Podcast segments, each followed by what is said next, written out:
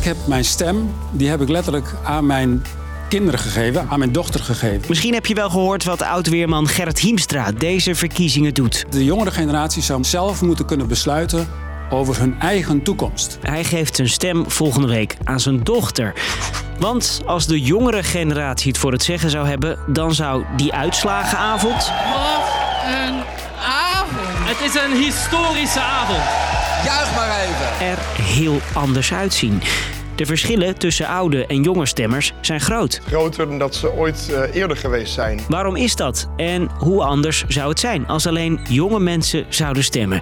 Ik ben Marco en dit is de uitslagenavond volgens jonge mensen. Wat een mooie avond. Lang verhaal kort. Een podcast van NOS op 3 en 3FM. Om te begrijpen waarom die verschillen zo groot zijn, moeten we eerst even de cijfers induiken. Je hebt namelijk steeds meer mensen zoals Hallo. Corrie. 76, in de bloei van haar leven, met koophuis, met pensioen. En ze haalt graag een visje op de markt. Twee lekker wetjes en kibbeling. Hoi, hoe is ie? En daar hebben we Onno. Hij is net 24, heeft een flexcontract en doet in zijn vrije tijd aan kleiduifschieten. En mensen zoals Onno, die raken in de minderheid. Komt doordat we steeds minder kinderen krijgen. Gemiddeld anderhalf kind per moeder. In 1960 was dat nog gemiddeld twee keer zoveel. En we worden ook steeds ouder. In 1950 was Corrie's levensverwachting bijvoorbeeld ruim 72 geweest. Terwijl vrouwen nu gemiddeld 83 worden. En daardoor komen er steeds meer mensen boven de 75 bij. En dus niet onder de 25. Sorry Onno. Uh, geef niet. Oké, maar even. Stel nou dat bij die verkiezingen op 22 november Corrie en al haar leeftijdsgenoten zich verslapen of eh, de hele dag in de file staan. Maar Onno en alle andere 25-minners op hun elektrische fiets wel op tijd bij het stembureau zijn. Dan ziet de uitslag er waarschijnlijk heel anders uit.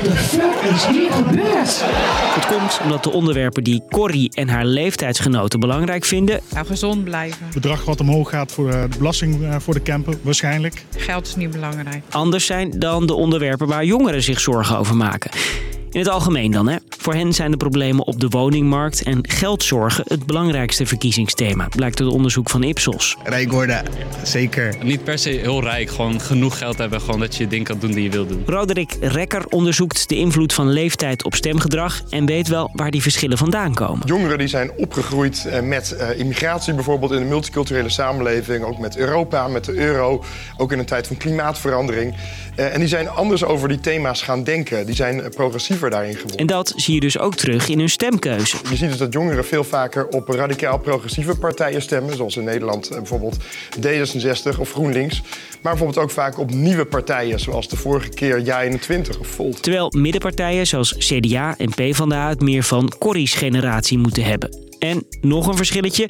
De generatie van Onno ziet straks liever hem, Altijd komt hij weer met hoop. Frans Timmermans, dan hem, Ik ben wit heet. Pieter Omtzigt, premier worden. Want volgens Rekker zien jongeren bij Omtzigt een hoog CDA-gehalte... en willen ze liever iemand groener en dus progressiever de trappen van het torentje zien oplopen.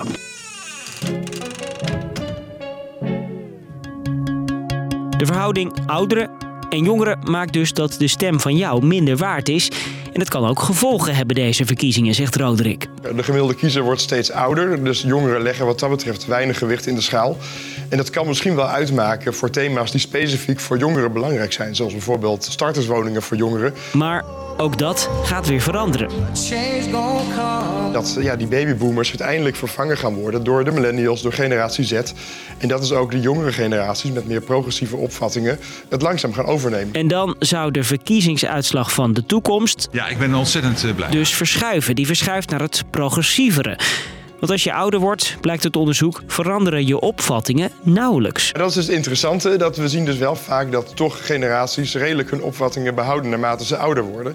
Dus het is wel behoorlijk in de lijn van verwachting dat die millennials en generatie Z'ers, eh, ook als ze wat ouder zijn, nog steeds progressiever zijn dan dat nu bijvoorbeeld de babyboomers. Kortom, als er minder oudere stemmers zijn, krijgen jongere stemmers het meer voor het zeggen.